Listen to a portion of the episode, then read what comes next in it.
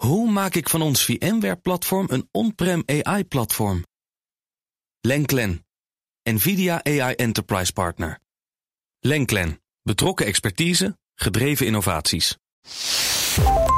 Hartelijk welkom bij de Technoloog. Nummer 365. Hallo Herbert. Hey Ben. Ja. We gaan het hebben over de verkiezingen. Ja, want het is de vooravond van de verkiezingen. Dus ik hoop dat het niet opnemen, al te veel luisteraars precies dit horen Nou. na 22 november. Nou, dat is ook mooi als ze het erna luisteren. Want dan zien ze dat hele proces over hoe je stemt. Of het nou goed gegaan is of niet. Ja, dat is natuurlijk Dus dat is ook wel goed als ze luisteren. hindsight. Ja. Ja, heel goed. En we hebben hier Simon Ruwhof. Hartelijk welkom Simon. Hoi, goedemiddag. Hallo. En eh, ja, jij bent, jij bent tegenwoordig de bewaker van ons verkiezingsproces. Ja, ja, dat kun je eigenlijk wel, wel zeggen. Ja, ik zit er inmiddels eh, zeven jaar eh, eh, zwaar in. eh, en eh, ja, om, denk ongeveer wel een jaar aan vrije tijd eh, fulltime hierin eh, geïnvesteerd. Wat? Een Ja. heel jaar lang? 1600 uur? Ja, Keer 100 euro? 160.000 euro heb je er al in, zitten. ja nou ja, serieus. Ja, ik ben een freelance consultant, dus dat... dat Oh, ik- dus nog meer dan 100 euro dan? Ja, ja, ja, zeker weten. man, er zeker een weten. paar ton in. Ja, ja ik, dat is eigenlijk tegen wil en dank eh, ben ik me hierin in, in verzeld geraakt. En eh, ja, het, het houdt me nog maar niet op. Nou, dan moet ze heel goed. Dan gaan we eerst de hoofdred lezen. En dan gaan we door. Oké, de technoloog wordt mede mogelijk gemaakt door Wanxilum. IT-bedrijf Wanxilum brengt structuur en opvolging in de informatiebeveiliging van jouw organisatie en zorgt voor de bewustwording van medewerkers op beveiligingsrisico's. Wanxillium, de IT-partner voor het veilig inrichten van digitale processen. En dat is vandaag heel relevant, want dit is een. Oké, stem is niet helemaal digitaal. Daar ga je alles over uitleggen. Het is met een potlood. Echt, er komt nog veel meer bij kijken. En dat moet allemaal zo veilig mogelijk gebeuren. Zeker. Zo is dat. En eh, waar we om te beginnen, ik denk Ja. dat jij dat vooral eh, wilde weten, Ja. Ben, eh, waarom we niet stemmen per stemcomputer. Nou ja, kijk, ik, die, we zijn natuurlijk al jaren bezig. Je ziet dat er altijd grappige dingetjes. En eh, ja, mensen zeggen digitaal. Dus joh, ik denk, ik, ik, eh, ik, ik log in met mijn DigiD. En ik stem in, ik ben er vanaf. Ja, dat klinkt allemaal heel, heel makkelijk en gebruiksvriendelijk. Ja, die vraag krijg ik ook echt heel vaak. Van eh, waarom hebben we geen stemcomputers? Hebben we in één keer de uitslag? Waarom kan het niet via internet? Maar er zijn eigenlijk best wel veel eh, redenen waarom we dat niet, eh, niet zouden moeten willen. We hebben natuurlijk het, de hele saga rond 2006 meegemaakt. vanuit de actiegroep Wij Vertrouwen Stemcomputers Niet. En die Even heel kort, want niet iedereen kent die saga, hè? Nee, nee. Dus misschien moet ik heel, heel kort herhalen. Ja. ja, we hebben sinds 1991 tot eh, 2006 hebben wij stemcomputers gehad in, eh, in Nederland. En eh, de een na de andere gemeente eh, die introduceerden ze. Tot in 2006 eh, ook Amsterdam als een van de laatste gemeentes eh, aan de beurt was. En eh, ja, daar, zat een, eh, daar woonde ook een hacker, Rob Golgrijp, oprichter van Access for All. En eh, ja, echt een oldschool hacker uit de jaren 80 al. Eh, en die, eh, die dacht, ja, als ik mijn stem op een stemcomputer moet uitbrengen, ja, dat, dat, zo'n stemcomputer is hackbaar. Dat, dat kan niet waar zijn. Dus die heeft toen eh, met een aantal vrienden heeft die, die hele stemcomputer onder handen genomen. En heeft hij eigenlijk hij heeft die aparte software gemaakt waarmee, waarmee eigenlijk zijn voorkeurspartij hè, eigenlijk altijd zou kunnen winnen in, in theorie. Om aan te tonen dat zo'n stemcomputer eigenlijk onbetrouwbaar is.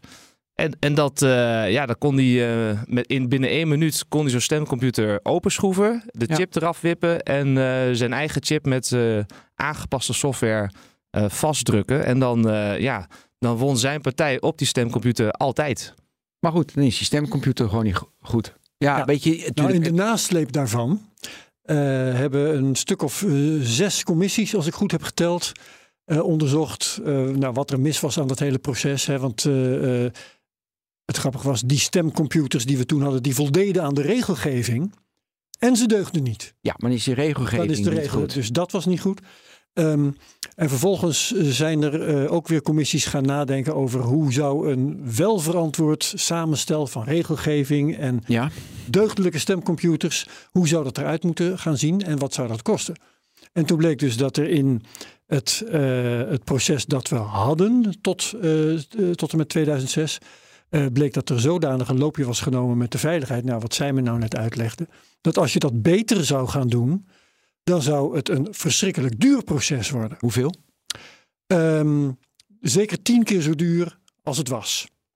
Ja, ik weet niet wat dat was. Was, Nee, het, nou was het 100 miljoen of... Sowieso bleek trouwens, dat is wel, dat is wel grappig, eh, in het hele proces van, van eh, die, die acties van Rob Gongrijp tegen die stemcomputer bleek, terwijl de stemcomputers waren voorgespiegeld als goedkoper dan papieren stemmen, Ja. bleek dat in Amsterdam het stemproces met stemcomputer drie keer zo duur was als eh, de, of, Papier. eh, drie euro per stem was het geloof ik duurder dan stemmen op papier. Dus zelfs de stemcomputers die we toen hadden, die zo brak waren als ik weet niet wat, die waren al duurder dan stemmen op papier. Ja, maar ik, Nou. ja. Nee, ik loop natuurlijk heel onwijs op de zaken vooruit. Maar jongens, weet je, ik weet, jij gaat over stemcomputers hebben en hoe we moeten stemmen. Maar denk je nou echt, jij bent consultant. Je kan, als je met wat we nu weten, kan je toch makkelijk software bouwen. En natuurlijk alles is te hacken, dat snap ik ook wel. Maar dat behoorlijk veilig is. Want hoe vaak wordt je Gmail gehackt, om maar even iets te noemen. Ook niet zo vaak. Kan je toch best software maken. Dat Maar Gmail bepaalt niet wie de baas is in het land. Nee, en dit Nee. is eigenlijk het hele probleem. Hè? Ja, maar Ehm, het is toch zo te maken dat het, dat het wel dat het geen fraude veroorzaakt. Ja, het grote probleem met eh, stemcomputers is, is dat er eh, eigenlijk geen audit trail mogelijk is. Want we hebben eh, het concept stemgeheim. Dus het is als je je stem uitbrengt, dan mag niet te herleiden zijn Ja. welke persoon op welke partij heeft gestemd. Uiteindelijk wat er dan overblijft als je stemt, is voor een bepaalde partij komt er een stem bij. En, waar die, en wie die stem gedaan heeft, dat, dat eh, willen we juist vergeten. Omdat eh, stel dat je eh, bijvoorbeeld een ja, niet zo leuke overheid meer aan de macht is, dat die bijvoorbeeld dictatoriale overheid, dat die dan niet bijvoorbeeld mensen die niet op zijn partij stemmen, dan kunnen gaan, ja, gaan straffen. Dus dat stemgeheim is een heel groot goed. En dat is, kijk, waarom we bijvoorbeeld wel eh, kunnen internetbankieren en alles digitaal kan verlopen, is dat eh, daar overal een audit trail op mogelijk is. Dus eh, we weten bij banken precies wie naar wie geld overmaakt. En dan kunnen we een heel kasboek bijhouden. Maar bij stemmen is het zo dat we, we vergeten, we vergeten bewust wie op welke partij stemt. En dan kun je later niet meer terugrekenen. Eh, en, en dus die oude trail maakt het eigenlijk onmogelijk dat eh, stemcomputers eh, eigenlijk ja, een, een integere uitslag kunnen, kunnen genereren. Want het bl- het blijft een black box. En je kan niet elke stemcomputer een hele audit op loslaten voordat je hem in gebruik neemt. Er wordt één van de nou, duizenden stemcomputers worden dan, worden dan geaudit, of tienduizenden eigenlijk. En als Ja, maar je gaat van de huidige, van de huidige stemcomputers denken uit. Maar ik, oh, ik ga het nog even een beetje. Want kijk, ik kan er ook een stem uitbrengen. Dat is niet meer Ben. Ik heb die stem uitgebracht. Net zoals ik op papier die stem uitgebracht. Dat weet je niet meer. Ik heb wel elektronisch een knopje gedrukt. Er wordt direct alles gedelete. Dat ik dat was. Weet je, IP, alles is weg. Dus, maar die stem van Ben, die staat ergens wel. Want dat is een vinkje. Nou, dan is het toch eh, hetzelfde als papier. Proberen jullie in mogelijkheden te denken dat je straks wel digitaal kan stemmen.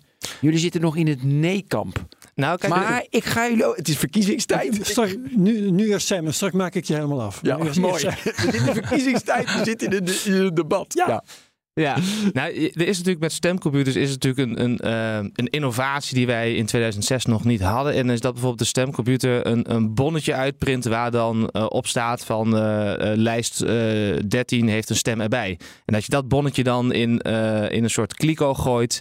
En zodat je achteraf nog, als er twijfel is over de uitslag, al die bonnetjes kan natellen. Ehm, maar eigenlijk vind ik dat je bij een stemcomputer, als je dat ooit zou gaan gebruiken, dan zou je eigenlijk alle bonnetjes moeten gaan natellen omdat je nooit kan uitsluiten dat die stemcomputer niet eh, eh, manipulatieve software eh, op zich heeft draaien. Dus, dus dan eigenlijk als je een soort 100% controle doet van die bonnetjes die die stemcomputer print. ehm, ja, wat is dan nog de meerwaarde van een stemcomputer gebruiken? Want het grote probleem met een stemcomputer is, die kan ook registreren in het geheugen eh, in welke volgorde bepaalde stemmen zijn uitgebracht. En die volgorde die zou je dan bijvoorbeeld naast de ingeleverde stempassen kunnen, kunnen leggen. En dan eh, kun je dat precies eh, met elkaar matchen. Ook al zal die stemcomputer vergeten van, eh, eh, dat die, de stemcomputer bijvoorbeeld niet weet welke persoon een stem heeft uitgebracht, maar dat er een stem op partij X is uitgebracht. Dan kan je die volgorde naast de stempassen leggen. En dan Mhm. ja, kun je dat stemgeheim ook weer opheffen. Dus het, zo'n stemcomputer heeft gewoon bepaalde restrisico's die, eh, die, ja, die we nog niet opgelost hebben. Elke beveiligingsexpert die ik ken, elke hacker is falikant tegen stemcomputers. Ehm, en dat moet wel wat eh, zeggen. Nu gaat Herbert me even afmaken en dan heb ik een vraag voor jou. Want jij maakt meteen, we- wij hadden, wij hadden het eigenlijk nog maar over stemcomputers. Ja. Eh, maar jij maakte intussen in gedachten al lang de sprong naar stemmen via eh, je niet? smartphone, DigiD. Nou, dat zal ik je vertellen. Stel je hebt een stemcomputer, wa- wat dus eigenlijk al is aangetoond dat niet kan. Maar stel je hebt een stemcomputer die verantwoord is en al goed werkt in het stemhokje. Hè? Ehm, nou ga je stemmen via internet. Dus dan zaag je die stemcomputer in tweeën. Dan één deel, het deel dat de stemmen telt, laat je achter in het stemhokje. Het andere deel, dat wordt geïnstalleerd op jouw smartphone. Dat is het deel waar de knop zit. Oké. Je gaat op jouw smartphone ga je drukken op de knop en dan wordt het geteld ergens bij de overheid.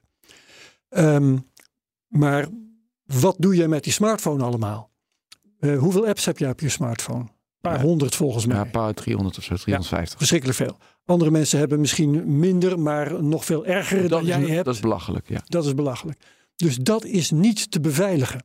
Als die stemcomputer, stel dat die 100% goed beveiligd zou zijn, zodra jij de, het deel met die knop op jouw smartphone zet, is het totaal niet meer te beveiligen. Het is totaal niet meer te garanderen dat daar geen malware zit, Ja. dat daar, zoals dat heet, statelijke, statelijke actoren geen toegang toe hebben. Dat wil je niet. Nee. Want het gaat Maar- over de democratie. Het gaat Ja. over wie er de basis in is. kijk, jullie zijn al, jij 7 en Herbert eh 37, volgens mij een jaar mee bezig met een stem. Weet je hoe je met een stem. Dus jullie zijn helemaal in de stemcomputer. Jullie denken vanuit een kader. Ik ben hier natuurlijk nieuw in. We hebben een keer een podcast opgenomen, een paar jaar geleden. Maar ik ben hier nieuw in. Dus ik, ik ga niet van in het stemhokje en niet. Ik zit gewoon, oké, digitaal stemmen. Heel simpel. Op mijn computer, weet je, op mijn mobiel inloggen. Weet je, da- daar en met de huidige technologie, niet die van zeven jaar geleden. Dus mijn vraag aan jou, Simon, is: hoe, want jij weet hoe het niet kan. Wat zijn de richtingen dat het wel kan? Ja, kijk, er is in eh, volgens mij maar één land in de wereld eh, waar je nu eh, via Estland. internet je stem kan brengen. Estland inderdaad. En ja, ook, ook dat systeem daar heeft mankementen. Heeft ook beveiligingslekken. Ehm, en Hoe werkt het daar? ja, je hebt een soort eh, fysieke eh, pas waar een chip op staat. Eh, dat moet je in een soort apparaatje stoppen. En dan kan je daar, dat, daarmee identificeer je jezelf richting, richting de overheid. Ehm, nou, bijvoorbeeld die, die cryptografie op die pas, daar was jaren geleden al van bekend dat daar zwakheden in zaten. En het wordt dan bijvoorbeeld niet, wordt dat niet ehm, eh, vernieuwd, omdat dat dan weer te duur is. Eh, dus kijk, Dat is en- een van de eigenschappen van digitaal stemmen. Hè. Je moet elke paar jaar moet je alles weer updaten. Ja. Heb je niet met papier. En wat mij betreft het grootste bezwaar met eh, internetstemmen voor landelijke verkiezingen is dat, eh, dat je zelf met je naam eh, eh, gewoon naar de overheid moet eh, in een computersysteem moet zeggen van nou ik zei me, eh, ik stem op partij X. En dan dat je erop moet vertrouwen dat die computer op internet, de server, de website van de overheid waarop je kan stemmen, dat die dan eh, vergeet dat ik eh, een stem op partij X heb uitgebracht.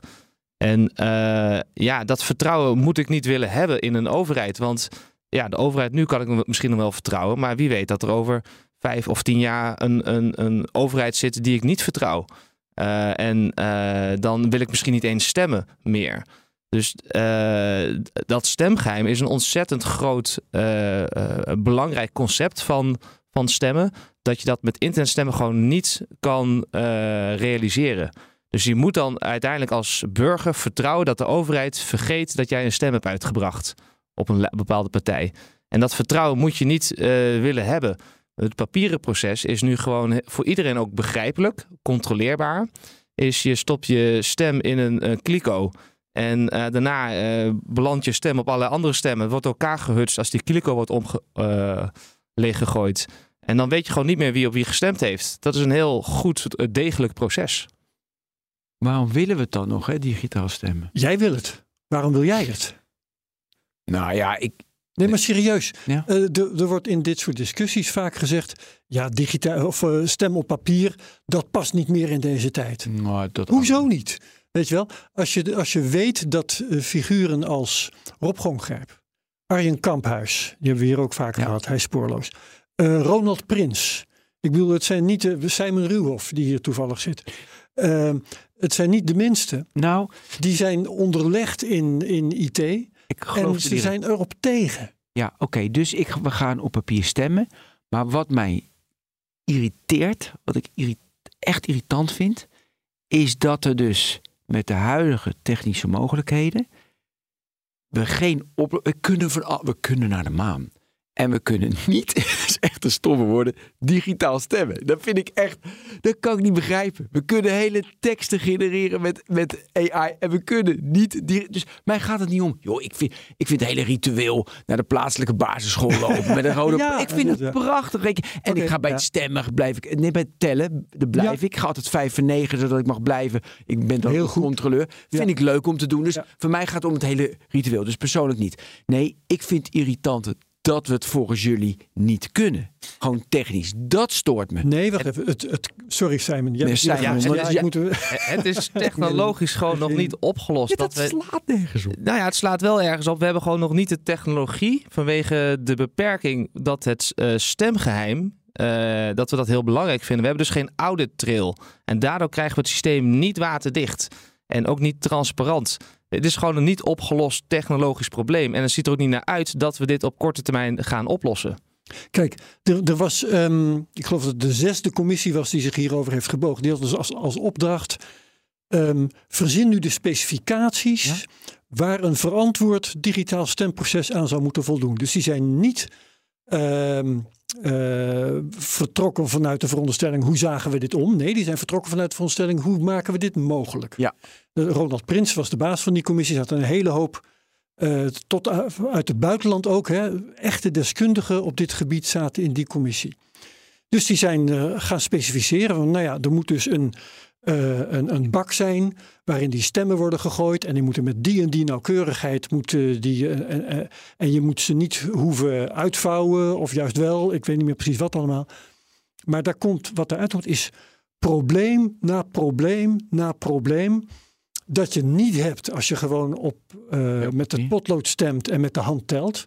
En omdat je het wil mechaniseren en wil automatiseren en wil digitaliseren, kom je op allerlei problemen die te maken hebben met hoe tel je dat betrouwbaar, hoe onderscheid je eh, valse stemmen van eh, vergissingen, van goede stemmen, Ehm, hoe, hoe sla je dat verantwoord op, dat niemand erbij kan. Eh, behalve de mensen die geautoriseerd zijn. En de mensen die geautoriseerd zijn mogen natuurlijk wel datgene doen wat ze mogen doen, maar niet wat ze niet mogen doen. Het wordt ontzettend ingewikkeld, terwijl al die problemen niet bestaan wanneer je gewoon op papier stemt en met de hand telt. Oké, dus we hebben geen oplossing. Dus het kan wel, maar het wordt gigantisch duur.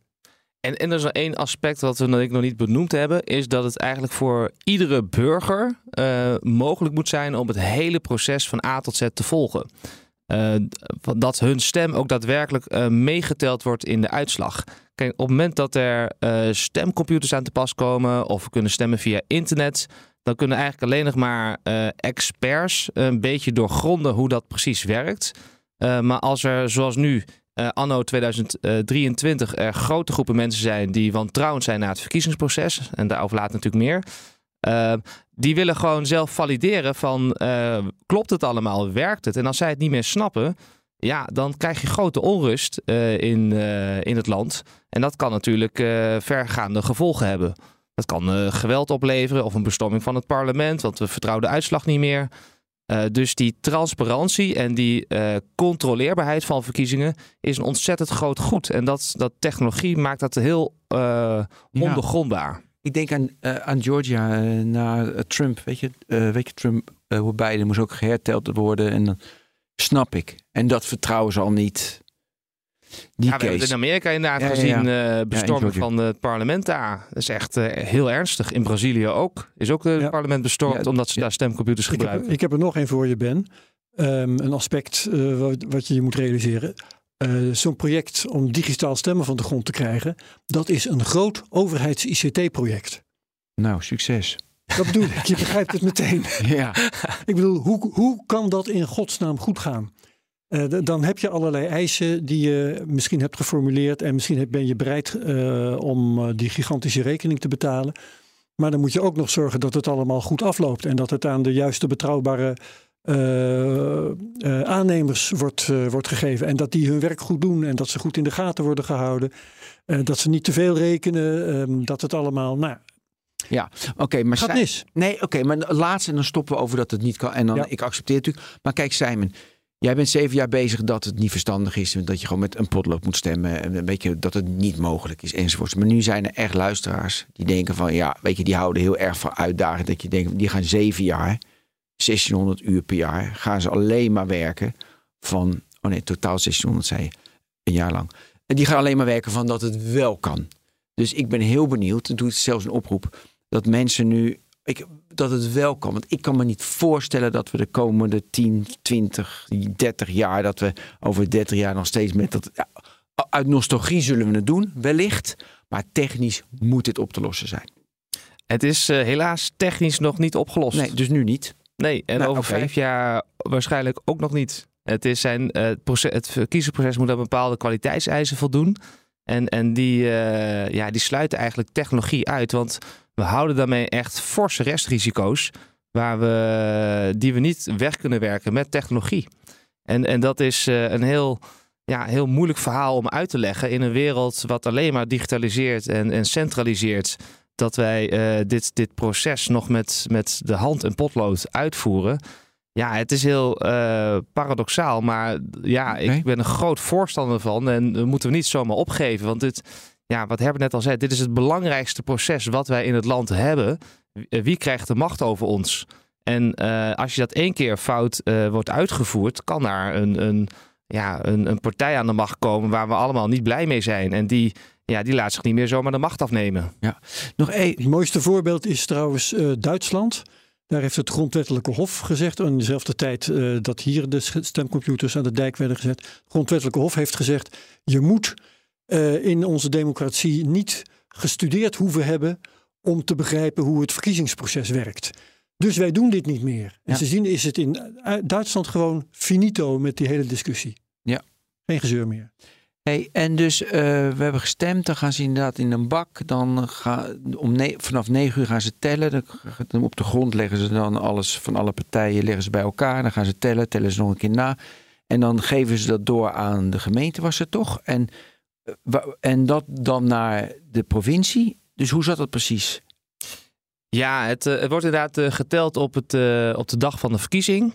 in de helft van de gemeentes wordt ook op kandidaatniveau geteld. en in de andere helft van de gemeentes wordt alleen op lijstniveau geteld op de dag van de verkiezingen. En in, waar alleen op lijstniveau geteld wordt, daar wordt een dag later wordt ook centraal geteld. Dus bijvoorbeeld in Utrecht heeft men een, jaarbeurshal gehuurd. En daar komen alle nou, ongeveer 180 stembureaus komen daar dan samen en daar wordt dan op kandidaatniveau geteld. Uh, nou, daar wordt een proces verbaal van opgemaakt en, en dat wordt dan door het gemeentelijk centraal stembureau ondertekend.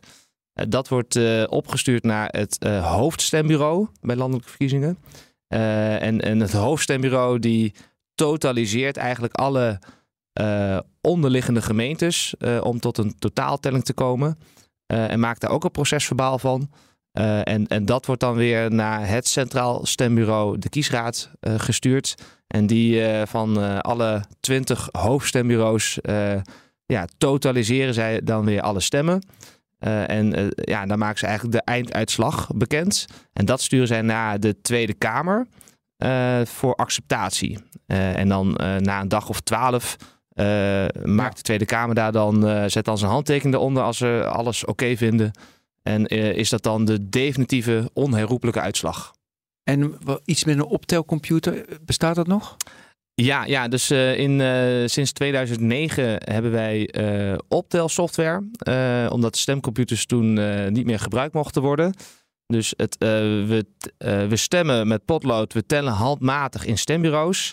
En ongeveer 10.000 zijn dat. En daarna gaan, moeten natuurlijk al die uh, totalen per lijst en per voorkeurskandidaat moeten allemaal opgeteld worden bij elkaar. Dat is een gigantische klus. Daar, daar dacht men van, het is wel handig als we daar software voor gebruiken. Want dat kan heel snel en makkelijk optellen. Dus toen is uh, de optelsoftware OSV, ondersteunende software verkiezingen. Dus niet OVS? Uh, nee, Ja, OSV. OSV, oké. Ja. Goed zo. Um, Ja. En eh, eh, dat is toen eh, gebouwd. En eh, ja, lekker makkelijk dacht men. En, eh, eh, dus daar werden alles, alle papieren processen verbaal met handmatige tellingen werden toen overgetypt in een soort van Excel-bestand. Want dat is eigenlijk wat OSV eigenlijk eh, in primaire zin is. En dat, eh, nou, dat eh, soort van Excel-bestand, dat, daar heb je een soort kolommen worden dan bij elkaar opgeteld en dan komt er een uitslag uit. En, en dat werd uitgeprint en, en dat werd dan ondertekend van dit is de uitslag. Nou, toen ik daar in 2017 voor het eerst van hoorde dat dit proces zo was vormgegeven, schokte ik me echt eh, een, een hoedje. Want eh, ik dacht, ik had de hele saga rond stemcomputers meegekregen. En dat vond ik al toen echt al eh, echt. Ja, daar was ik erg voor geschrokken. En ik dacht, we zijn toch niet zo dom dat we na die hele, dat hele debakel en al die discussie daaromheen, dat we nu weer software hebben bedacht die de uitslag in Nederland berekent. Die draait op PC's die aangesloten zijn op internet. Ja, sommige gemeentes hadden inderdaad PC's die op internet waren aangesloten met die software. Dus ik was in 2017, eh, heb, ik dat, eh, heb ik dat onderzocht. En toen, eh, ja, toen had ik in drie uur tijd had ik 25 risico's gevonden. Waaronder een aantal hoog, een kritische en heel veel midden- en lage risico's. Het was gewoon echt zo lekker als een mandje. Ja, noem ze eens. Nou, bijvoorbeeld, hoog. nou, er waren verouderde software werd gebruikt. XP met, nog. eh, ja, met, met verouderde Java-libraries. Dus, dus er was gewoon, eh, het was ooit gebouwd en daarna waren er geen beveiligingsupdates meer toegevoegd. De, er zat geen security monitoring in, dus het, eh, het controleerde niet. Kijk, als een systeembeheerder op die computer gewoon, eh, nadat alles was twee keer was ingevoerd, daarna een, gewoon de cijfers aanpaste, dan was dat helemaal prima. Dus er zat geen integriteitscontrole in, er zat geen security controle in. De optelsoftware vond alles prima. En dat was eigenlijk hele basale, simpele software. Dus ik zag eraan dat er geen enkele security expert of ethisch hacker daar ooit naar gekeken had. Het was gewoon door ja, plain ICT'ers ontwikkeld. eh, met de beste bedoelingen wel, alleen ja, zonder beveiligingskennis. En eh, dat was ook nooit getest of het veilig was, nooit gepentest. En eh, ja, dus toen ik daar voor het eerst naar keek, ja, schoot ik er vol, schoot ik er vol met gaten. En ja, dus da- daar hebben inmiddels ja, tientallen lekken zaten daarin. Maar het belangrijkste was, vond ik, is dat de uitslag één op de één vertrouwd werd. En eh, terwijl ik vind dat je optelsoftware is op zich prima als je daar ook handmatig een steekproef neemt eh, en handmatig optelt en dat vergelijkt met wat de optelsoftware berekent. Want dan kun je zien of je optelsoftware niet gehackt is. Gewoon een onafhankelijke controle. Ja, tuurlijk. Ja. ja, en de optelsoftware controleert weer of er de handmatige controle daar geen fouten zijn gemaakt. En, en als je handmatig controleert en software optelt, dan kun je het met elkaar vergelijken. En dat is een heel weerbaar proces. Want Maar dat- wat, en wat, wat mij eh, zo verbaasd heeft hieraan, is dat jij je vervolgens een slag in de ronde hebt moeten vechten. om zoiets vanzelfsprekends voor elkaar te krijgen. Ja, dat was echt eh, niet normaal meer, vond ik. Dus ik heb in 2017 een uitgebreid rapport overgestel- opgesteld. Met RTL Nieuws daar eh, grootschalig de media mee eh, eh, benaderd. Nou, dat werd toen helemaal genegeerd in, in eerste instantie. Eh, nou, een jaar later bij de nieuwe verkiezingen eh, waren de problemen nog steeds niet eh, echt opgelost. En nou, we weer met RTL Nieuws grootschalig nieuws mee bereikt. En in 2019 uh, was, ja, waren de grote problemen eigenlijk nog steeds niet opgelost. De optelsoftware berekent nog steeds eigenhandig wie Nederland mocht regeren. En toen had RTL Nieuws er geen zin meer in, want die dacht van ja, we hebben twee jaar hebben hierover gepubliceerd. Drie jaar, dat is activistisch. Dus uh, we hebben er buiten al binnen, dachten ze waarschijnlijk. We gaan dat niet nog een keer doen. En ja, ik help regelmatig allerlei journalisten met onderzoekjes. Dat vind ik leuk en ook maatschappelijk belangrijk. En dan vragen al die journalisten vragen altijd aan het eind van uh, als ze met iets komen. Van goh, je mag altijd. Uh, heb je nog iets? Mag je me altijd bellen? Hè? Want dan kunnen we misschien wat mee doen. En zeg, toen zei ik altijd van nou ja, ik weet niet of je het interessant vindt, maar Nederlandse verkiezingen zijn hackbaar. ja, is een probleem. misschien vind je dat interessant om over te schrijven. Nee. Oh ja, nee, ja, ik vond het allemaal wel ingewikkeld. want ja, als je over Nederlandse verkiezingen schrijft en zeker over de betrouwbaarheid ervan. Ja, daar willen journalisten hun handen niet aan branden. Tenzij ze daar een maand, twee maanden tijd voor krijgen om alles helemaal uit te zoeken. Maar dan heb je een zware onderzoeksjournalist nodig. En echt budget en vertrouwen van, van ja, de, de, de omroep of mediabedrijf. En, en dat kreeg men gewoon niet voor elkaar. Dus ja, toen ze in, in, in het derde jaar dat ik ermee begon, dat was 2019, was niemand meer geïnteresseerd. Dus toen heb ik weer een hele verslag geschreven. Terwijl in wezen niks, niks gebeurd was nog. Nee, er was in, in wezen heel weinig gebeurd. Er waren al iets hier en daar wat verbeterd, maar de... Wie maakte die software? Ja, dat is een, een Duits bedrijf. IVU was dat uh, destijds. Uh, vind ik ook überhaupt al heel raar dat een Duits bedrijf uh, de software maakt waar, wie bepaalt wie Nederland mag regeren. Maar goed, dat... Ja, dat is beter dan een Venezolaans bedrijf. dat zeker, ja. Het is Europees, moesten ze het aanbesteden. Dus dat, dat zijn dan weer regels. Um, ja, en dat wordt dan gebruikt. Maar die software, die is ook nog niet helemaal open source. Hè? Dus, dus er staat maar een deel van de programmeercode staat online. Uh, een ander deel is, is closed source, dus dat mogen ze niet online zetten. Copyrighted uh, materiaal. Dus dat is uh, maar deels. je kan het niet Wat ook al bizar is trouwens, hè? want je, als het ga, gaat om hoe je verkiezingen worden bepaald, dan wil je eigenlijk dat alle software gewoon bekend is. Absoluut, ja. Je wilt eigenlijk uh, uh, de programmeercode helemaal kunnen compileren. En dat zou dezelfde uitkomst moeten hebben als de software die gemeentes draaien. Dus op, de, op het uh, bitniveau moet het exact overeenkomen.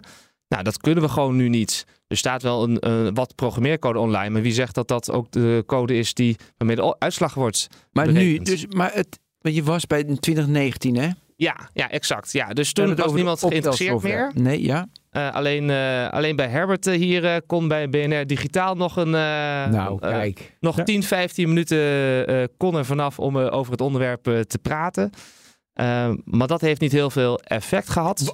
ja, dat, ja zeg. dat, dat, slaat helemaal nergens. Ja, ja in ieder geval niet geleid tot Tweede Kamerleden die Kamervragen gingen stellen. Of nee, kiesraad nee, Binnenlandse Zaken die de handen ineens lagen van... nou god, dit moeten we echt gaan oplossen. want dat is eigenlijk uh, nou, groot, ja, er zijn eigenlijk eilandjes overal binnen de overheid. Um, dus toen uh, was ik eigenlijk een beetje helemaal moe gestreden. Toen had ik echt zo'n idee van... Uh, ik ben volgens mij nog de enige in Nederland die zich hier hard voor maakt. Samen met Herbert. En samen met Herbert inderdaad.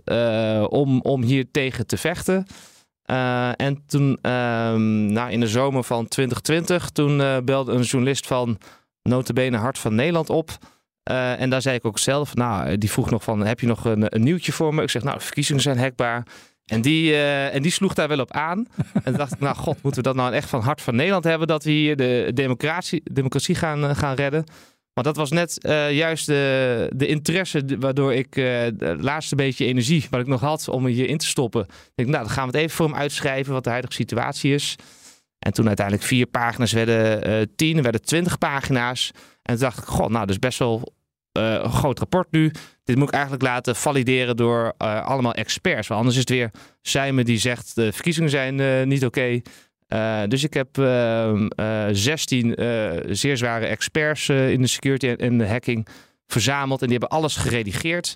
Toen dacht ik van, oh, dat is een best wel stevig rapport geworden. Um, waar echt grote namen allemaal eigenlijk het ondertekenen. Toen dacht ik, ja, anders is weer Simons rapport. Laat ik er een stichting van maken. Dus toen heb ik de Stichting tegen Hekbare Verkiezingen opgericht.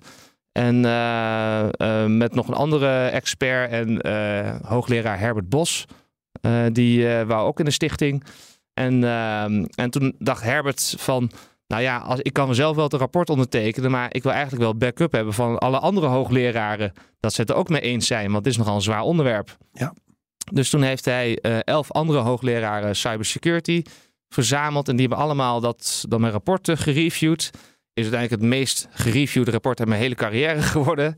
Met 28 uh, eh, zware experts die eroverheen zijn gegaan. En, uh, en toen hebben we dus met Hart van Nederland... Ja, ik had, ik had ook met onderzoeken natuurlijk ook naar de NOS of RTL Nieuws kunnen gaan. Maar ja, dat vond ik niet meer ethisch. dus ik denk, nou, doen we maar met Hart van Nederland. En dan zijn we met Hart van Nederland zijn we toen met het rapport... ja, hebben dat gepubliceerd. En dat had wel, uh, had uiteindelijk had het wel impact. Uh, Tweede Kamerleden die kwamen toen, uh, die had ik van tevoren ook al geregeld. Van zeven partijen had ik de woordvoerders digitalisering al voorbereid. En ja, die gingen toen de minister vragen stellen.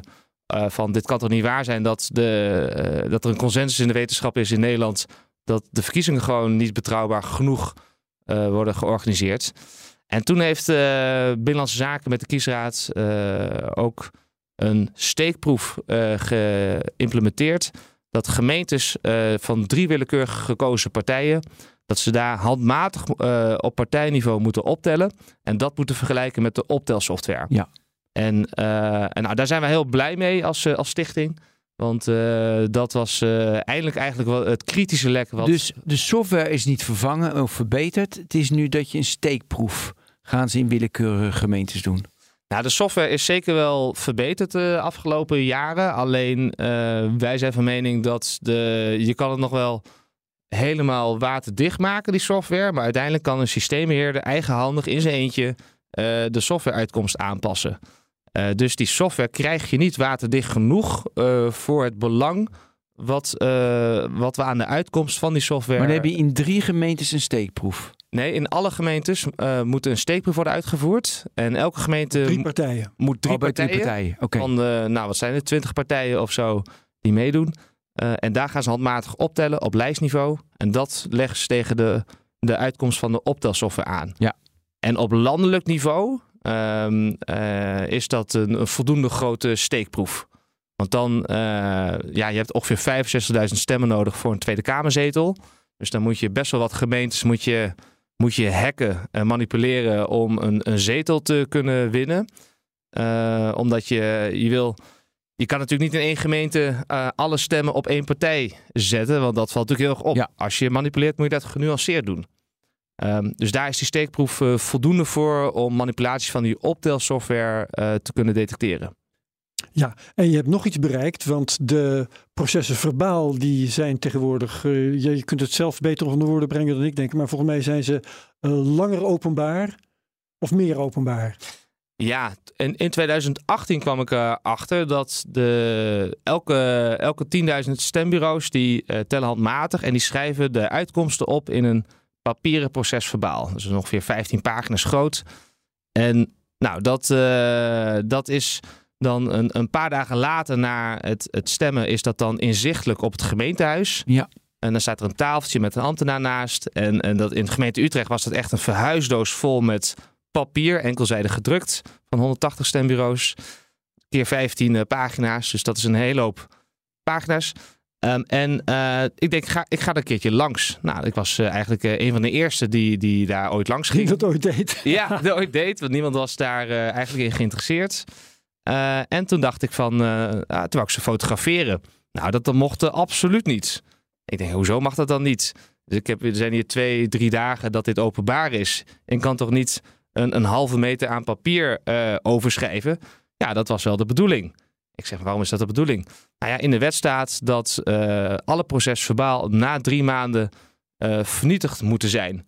Zodat er daarna Oké, geen en als discussie je een meer... foto maakt, dan is het niet vernietigd, ook als het papier wel vernietigd is. Ja, ja was dat, het- was, de eh, gedachte. dat was de gedachte. Oké, En ja. het idee was dat er na drie maanden eh, geen discussie meer zou kunnen zijn over de verkiezingsuitslag. Mhm. Ehm, nou, ik vond het niet een heel erg goed doordachte eh, regel. Ehm, en, eh, maar behalve dat, eh, ik kan in mijn eentje toch niet een halve meter papier overschrijven. Dat wil ik fotograferen, kan ik het rustig heeft thuis... geen enkele functie op die manier. Nee, het heeft geen enkele functie. En als ik een landelijke uitslag zou willen narekenen, dan moet ik weer in elke gemeente een halve meter eh, papier, of tenminste bij grote gemeentes dan, overschrijven. Dat is gewoon onhaalbaar. Dus dan heb je een heel leger mensen nodig die dat dan verzamelen. En dat is ook redelijk onhaalbaar.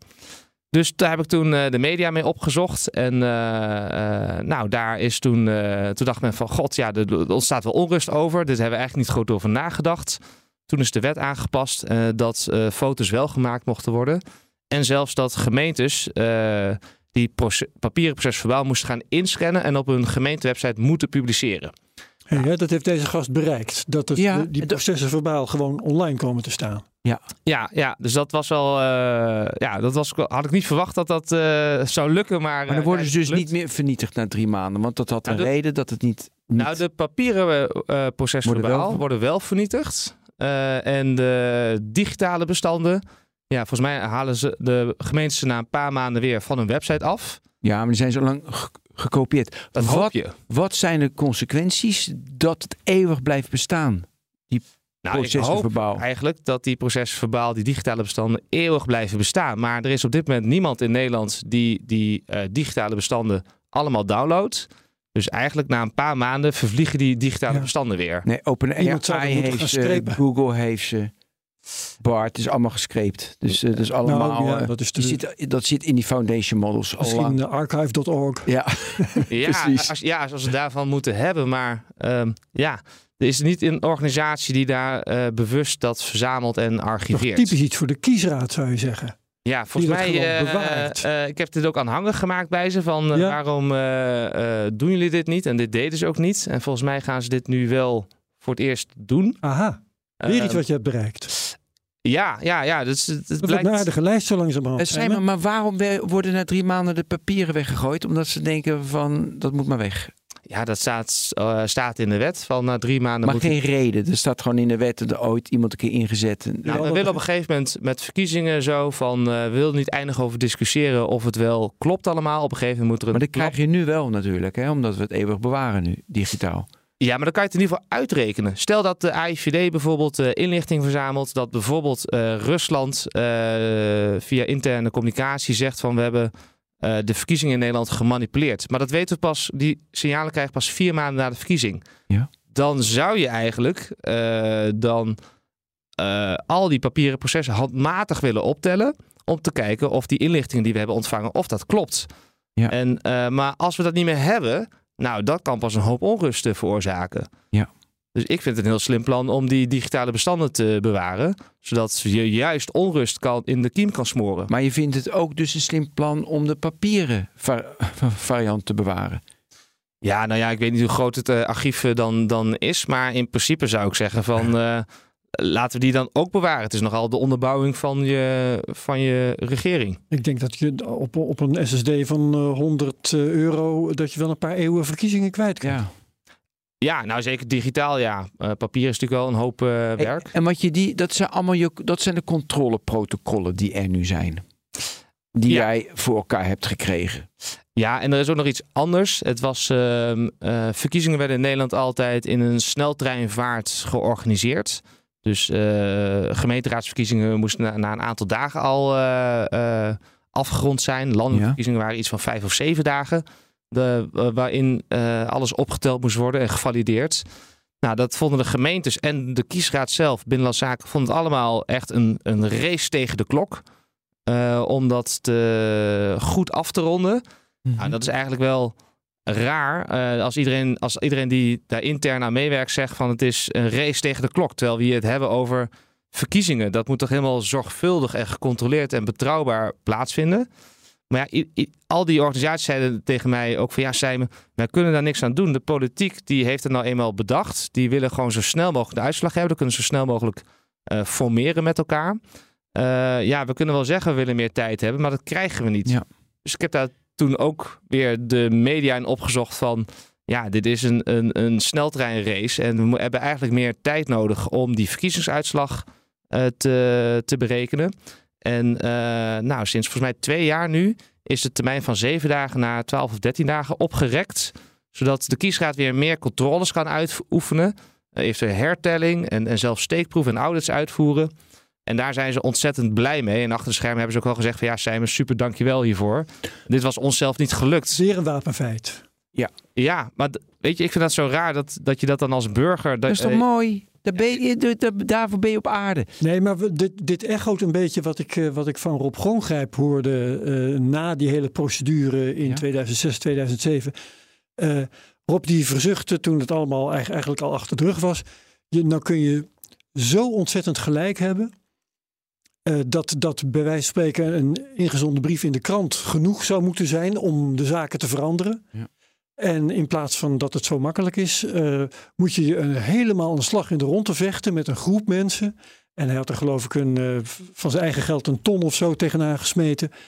En, eh, en hacks uitvoeren en dit en dat. Om al die harde koppen bij de overheid ervan te doordringen dat er echt iets moet veranderen. Want alle reflexen op dat niveau, die zijn er gewoon tegengericht om komt dat, serieuze dingen te veranderen. Dat alles er tegen is gericht. Om de harde verschillende redenen tegelijk, denk ik. Eén is eh, dat ze niet direct begrijpen wat er nou precies mis is. Ze hebben ook niet zoveel zin om het te begrijpen. Het is allemaal extra werk.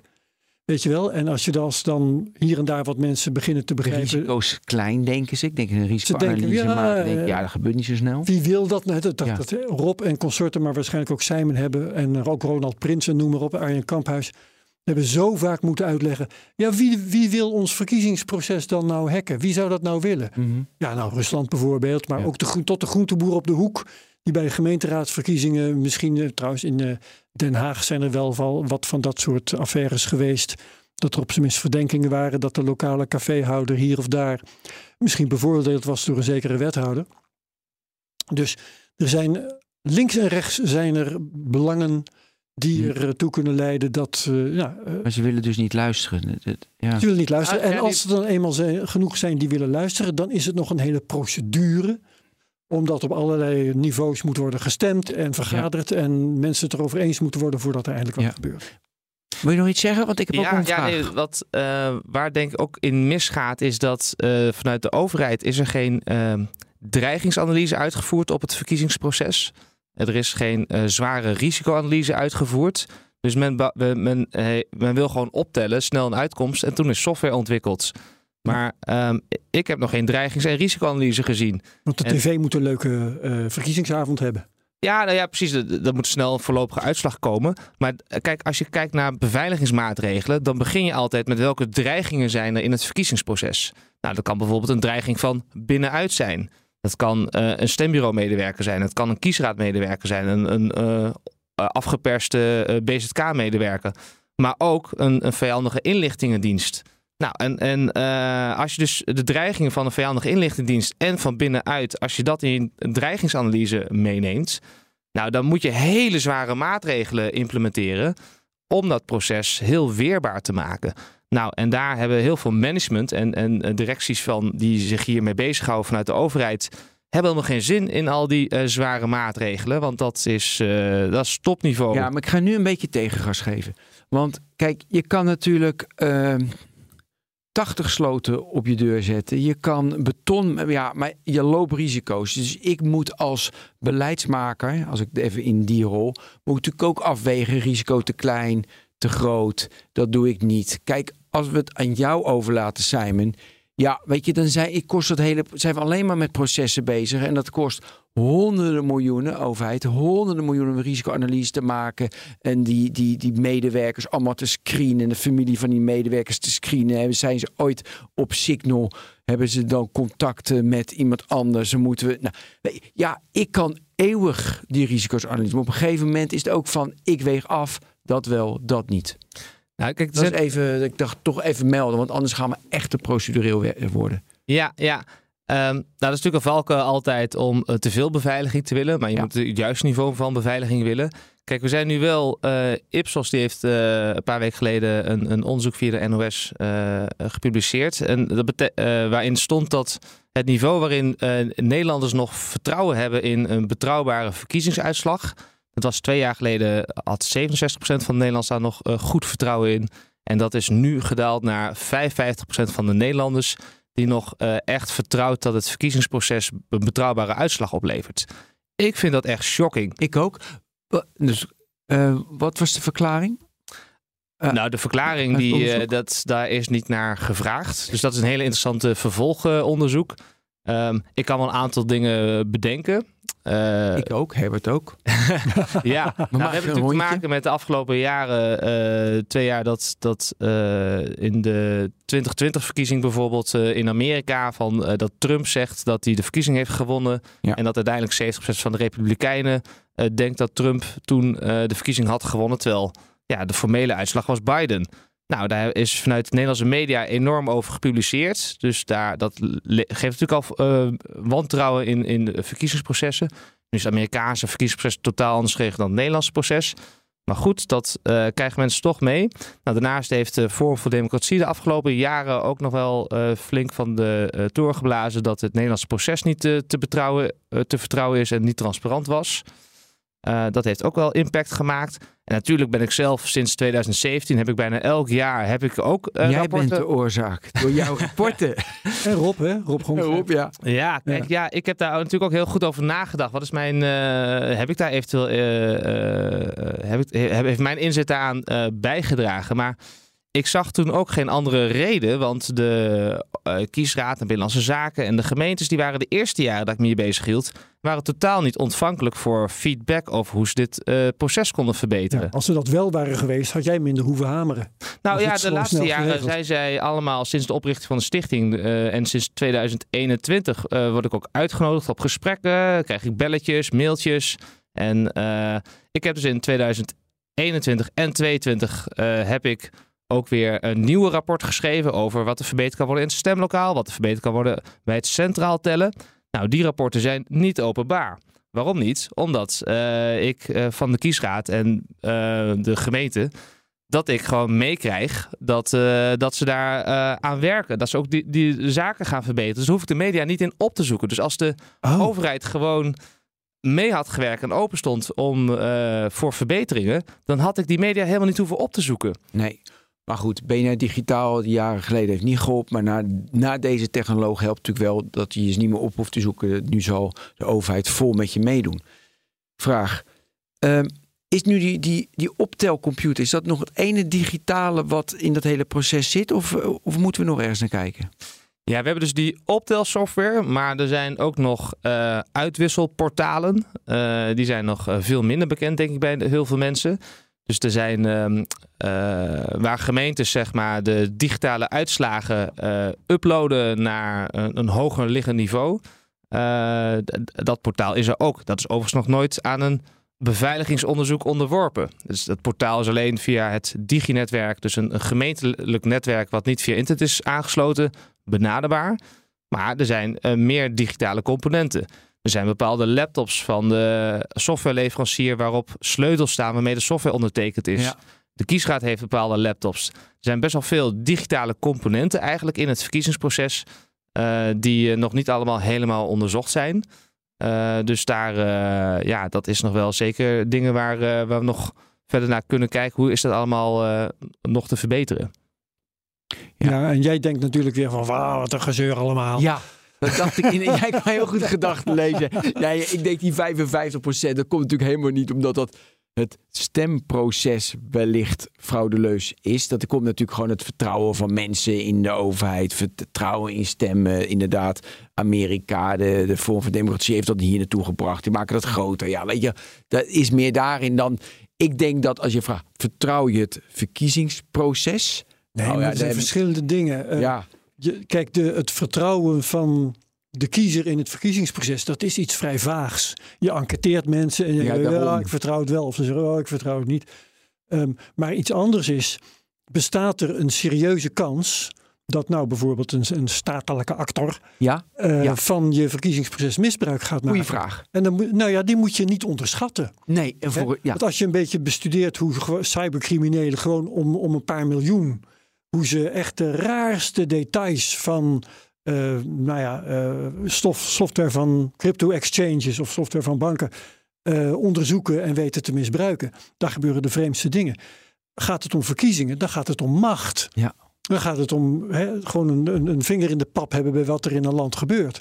En dan kun je donder op zeggen dat nou ja, geheime diensten en, en hackersgroepen die door een overheid worden betaald, dat die echt de kleinste details weten te, te ja. vinden die nog kwetsbaar zijn. En daarin ben ik te naïef. Dan denk ik van ja, dat doen ze toch niet. Het dan is blij toch... dat je het zelf zegt ben. Ja, nee, maar ik denk maar dat doen ze niet. Of het is toch te lastig. Weet je, die ene computer. Die, het is die vindt Nederland nou belangrijk. Maar in, vertel, vertel me dat ik niet zo naïef. Geef voorbeeld dat ik niet zo naïef moet zijn.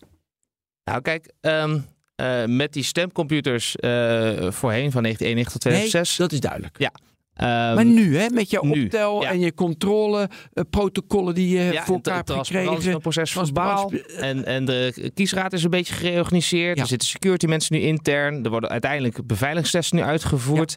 Er is ontzettend veel verbeterd de afgelopen zeven jaar, waar ik uh, echt heel blij mee ben. Uh, dus uh, zeven jaar geleden had ik, uh, denk ik, nou, er zitten best wel veel risico's in. Dan zou echt een statelijke actor of interne actor zo best wel makkelijk... kunnen. Maar waarom ik nu te naïef ben als ik denk van, joh, het is nu al voor elkaar. Nou, nu is het uh, best goed voor elkaar. Ja, dus daar, uh, dat wil ik wel echt. Dat is wel goed mee. nieuws. Hè? In de zin in elk geval dat er heel veel is verbeterd. Er is ontzettend ja. veel verbeterd. Uh, ik breng ook met vertrouwen mijn stem morgen ook, uh, ook uit. En dat zou de rest eigenlijk ook moeten doen. Voor degenen die eh, toch wantrouwend zijn, eh, heb je die processen verbaal. Naar de psycholoog. Eh, nou, nee, zeker niet. Maar je kan dus. het is ook heel goed om soms te wantrouwen. Maar je kan het dus handmatig nu zelf optellen met die processen verbaal die openbaar zijn. Er is ook een, eh, ook een groep die dat eh, nu doet. Dat is controle verkiezingen.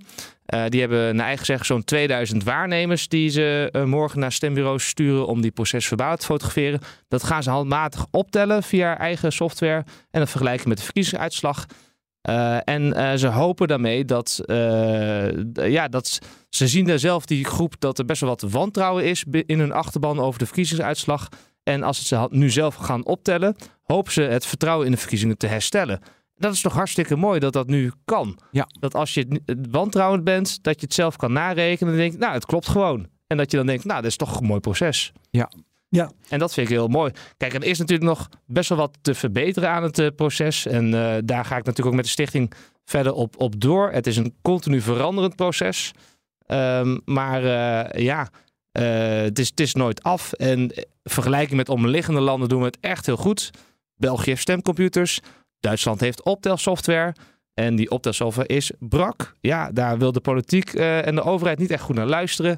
Het Belgisch proces is ook eh, eh, niet helemaal goed. Frankrijk heeft ook nog stemcomputers. Die bepaalde steden gebruiken nog de NEDAP stemcomputers die wij in Serieus? ja, ik ben er nog door benaderd door iemand die daar actie voor wil voeren. Die wordt ook niet gehoord daar. Ehm, dus ehm, eh, ja, in vergelijking met eh, wereldwijd doen wij het echt heel goed, vind ik nu. Dankzij jou. Nou, en, en, dan, eh, en Rob Gol- Gol- Golgrijp en nog wat anderen Ja, die zich en nu ook hebben ingezet. Ja.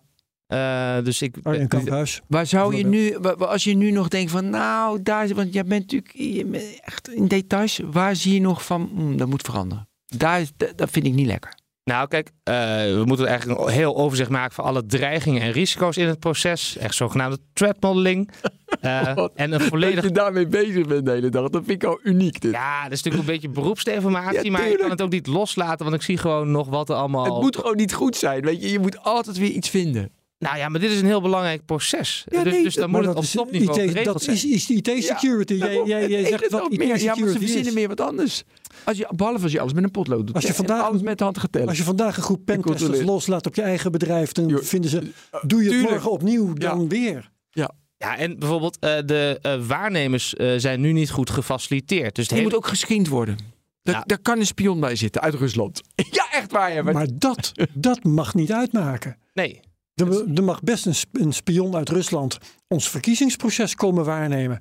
Dat, als het goed is ingericht, dan kan Ja. dat geen schade doen. Precies. ja, precies. Dus wat je dus eigenlijk moet doen, is een ethisch hacker jouw eh, verkiezingsproces, trouwens, trouwens, dat is precies wat Simon dus de afgelopen jaren heeft gedaan. Ja. Dat verkiezingsproces monitoren en eh, kijken van eh, wat kan hier nog misgaan. Dat is toch precies wat jij gedaan hebt, Ja, op de stembureaus zelfs. Van, van, eh, van begin tot het proces tot het eind van het proces. En eh, weet je, de kiesraad die laat alleen een heel klein stukje van het proces eh, de optelsoftware controleren. Maar er zijn ook nog uitwisselportalen, er zijn nog centraal tellen, er is, is, is ongelooflijk veel wat in zo'n proces zit. Dat Ja. wordt allemaal niet goed genoeg, omdat elke afdeling op zijn eigen eilandje zit. Maar jij, jij zag toch ook van alles eh, in het stembureau zelf, waar de kiezers kwamen. ja, had ik Wat, tientallen wat, wat, zag, verbeterpunten. wat zag jij daar bijvoorbeeld? Noem eens wat, want dat vind ik wel interessant. Ja, Ben daar bijvoorbeeld het, eh, dat, dat de verzegeling van de stembus niet goed was aangebracht met een eh tie rip. Of dat eh, het klepje niet helemaal dicht kon. Of dat eh, de voorzitter eh, de code van het slotje waarmee de stembu- stembus dicht zat, dat die hardop voorlas in, in de zaal.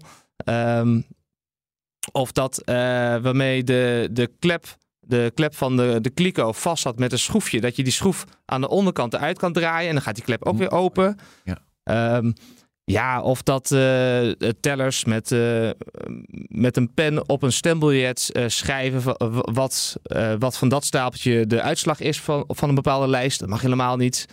Ehm, ja, dat, dat, dat bijvoorbeeld een, een stembureauvoorzitter, dat hij als hij een uitslag hoort van een stapeltje getelde stemmen, dat hij dat op een klapblaadje schrijft en dat iedereen dan aanneemt van, oh ja, die, die voorzitter die, ja, die, die vertrouwen wel wat hij opschrijft, maar eigenlijk moet daar een vier-ogen principe op zitten. Eigenlijk wil je dat... Ik kan het allemaal niet verzinnen, hè, al die dingen. Dat vind ik zo mooi, dit. Nee, maar dat je, je, Ja. je, je, je gaat dus naar dat stembureau, je gaat Ja. een beetje rondkijken en Je, je ziet dat, ja. dit zijn, dit zijn natuurlijk niet allemaal stuk voor stuk schandalen, maar Nee. dat er zoveel, ik zou zeggen, onachtzaamheid Ja. is.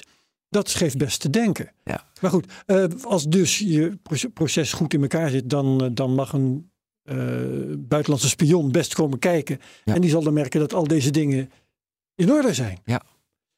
Ja, dus eh, bijvoorbeeld een centraal tellen. Wat dan drie jaar geleden ging Utrecht voor het eerst dat doen in de jaarbeurs. En eh, dus ik, eh dus we alle kliko's bij elkaar gebracht, maar die waren dan afgeschermd. Daar kon je dan niet meer eh, inkijken. Als waarnemer mocht je dat niet zien. Dus ik denk, ja, dat wil je juist zien. Ehm, en eh, nou, dan komt er opeens een kliko, werd naar een, een bepaald eh, vierkantje gereden, waar dan eh, op kandidaatniveau geteld werd. En dan vroeg ik van welk, welk stemlokaal wordt hier dan nu geteld? Ja, dat mogen wij niet zeggen. Ik zeg, hoezo mag je dat niet zeggen? Ja, nee, dat mag niet. En is er dan ergens een overzicht van welke kliko en welk vakje wordt geteld? Nee, daar had men niet over nagedacht. Dan denk ik, ja, nou. eh, en toen kwam, eh, sprak ik een voorzitter van een stembureau. Die wou kijken in welk vierkantje zijn stembureau op kandidaatniveau werd geteld. Ja, die kon hem ook niet vinden. En dat- Ja. ja. dus dat zijn gewoon. Of voor vanuit het perspectief van waarnemers is het proces nog wel onvoldoende, eh, onvoldoende eh, bedacht. En daar ben ik dan nu weer wat dieper op aan het inzoomen. Hoe kunnen waarnemers dat dan helemaal met zo weinig mogelijk eh, moeite volledig onderzoeken? Zijn, eh, luisteren de overheden, jij zit dan in Utrecht geloof ik hè, Eh, luisteren die intussen goed genoeg naar dit soort bezwaren?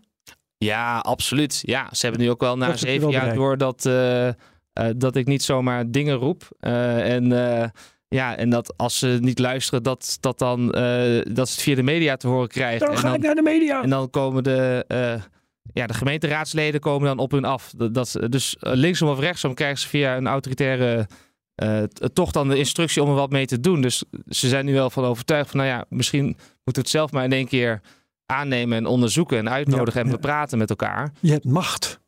Nou ja, het is, is, eh, macht. Eh, ze, ze luisteren gelukkig nu en dat is eh, wel fijn om de goede media zaak. niet op te zoeken. Ik heb tot slot even een hele off-topic vraag, maar die zit Prachtig. de hele dag al door mijn hoofd. Kijk, Wat stem je? Nee. Kijk, normaal gesproken, weet je, potlood, we stemmen. Maar we kennen natuurlijk over eh likejes, hartjes. Weet je, mensen zijn anders gaan stemmen.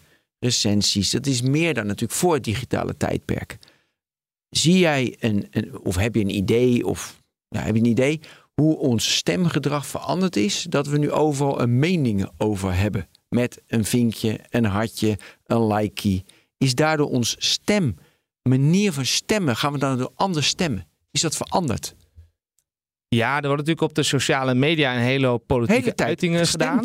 En, en dat wordt allemaal geretweet, geliked. En eh, mensen belanden in hun eigen echokamer via de sociale media. Dus je, je krijgt alleen nog maar eh, eh, berichten te zien waar je het zelf mee eens bent. Zodat je langer op zo'n platform blijft. En dus langer naar advertenties kan kijken en op kan klikken. Ehm, ja, ik denk dat die sociale media ons stemgedrag echt best wel fors beïnvloeden. En sociale media zijn ook zo geprogrammeerd dat, dat, ze, dat we gepolariseerd worden. Dus eh, we worden tegen elkaar opgezet. Dat is eigenlijk bewust, want haatdragende en emotionele berichten. Daardoor blijven mensen langer op een platform. Krijg je meer interacties. Eh, dus die sociale media die zijn eigenlijk zo ontworpen eh, dat we- we uit elkaar. Dat ja, weet ik. Maar ik, ik, ik bedoel ook meer van, kijk, ik neem mijn stem. Weet je, ik, verdien me, ik vind dat zo belangrijk. Dan mag ik mijn stem uitbrengen. Echt, dat neem ik bloedserieus. En Herbert ook, dat weet ik. Weet je, Ja. wij, wij echt bloedserieus. Maar ik kan me voorstellen, omdat je overal de hele dag la, joh, weer een likeje en weer een hartje, joh, het zal allemaal wel. Dat eh, heb je daar inzicht in. Dat, je, dat mensen denken van, joh, het is maar een stem. Het zal allemaal wel. Zoals ik het een beetje met die beveiliging van het komt allemaal wel goed. Zie, zie je daar verandering in? Of is, is dat, heeft dat totaal geen invloed gehad? Ehm, Ja, het is maar een hypothese die ik al de hele dag en ook gisteravond in mijn hoofd had. Maar Als, je ziet hoe makkelijk de kiezer van de ene partij naar de andere fladdert de laatste tijd, dan zou je denken dat. eh, Ja, dat dat altijd zo, te- weet je, altijd 25 zetels die van links naar rechts. Ja. eh, misschien daardoor. Ja, maar dat had je misschien ja, vroeger dat- ook. Ik weet het niet. Maar het was net dat. of dat nou wel precies daardoor komt. Nee, zou daarom dat weten we niet. Maar omdat je hier te gast was, ik dacht als laatste vraag kan ik die stellen. Het eh, was maar een hersenspinsel. Ik ga er zelf wel weer mee aan de slag. Wat wil je nog kwijt, Simon? Ja, stem vooral en heb uh, vertrouwen in de uitslag. Dat heb ik ook. Um, en uh, ja, als je denkt van nou, ik vertrouw het niet allemaal, uh, ga gerust waarnemen in het stemlokaal. Je Ja, bent daar van harte welkom. Ja, ja, ja. De dag later bij het eh, centraal tellen in de helft van de gemeentes ben je ook van harte welkom. En sinds twee jaar, eh, daar heb ik ook nog wel voor gevochten, is eh, de invoer in de optelsoftware ook openbaar. Eh, dat was vroeger nooit, mocht je niet bij zijn. En daar mag je nu wel bij zijn. Dus als je denkt van, eh, nou, wordt er nog Windows XP gebruikt op die optelcomputers? Zijn ze met internet verbonden? Eh, ga naar het gemeentehuis toe, eh, of waar dan, dat ingevoerd wordt, en ga kijken. En tel op. En ja, als je sluit je aan bij de controleverkiezingengroep, die, dat is de grootste groep nu die centraal optelt. Dus dat, maar ja, ik zou zeker stemmen en vertrouwen erin hebben. Oké, dit was eh, Simon Ruwhoff, de man die strijdt voor eh, onvermoeibaar, voor transparante, controleerbare, betrouwbare, vertrouwbare en integere verkiezingen. Mooi. En daar ook allerlei successen in heeft geboekt. Dankjewel Simon. Ja, Van de. Stichting tegen hekbare verkiezingen. Ja. Dankjewel Ben. Herbert, bedankt. Luisteraars bedankt. En dit was technoloog nummer 365. 365. Heel graag tot eh, volgende week bij eh 367. En daarna doen we 66. Dat leggen we later nog we, wel uit. uit. Dit was de technoloog. Tot ziens. Dag allemaal.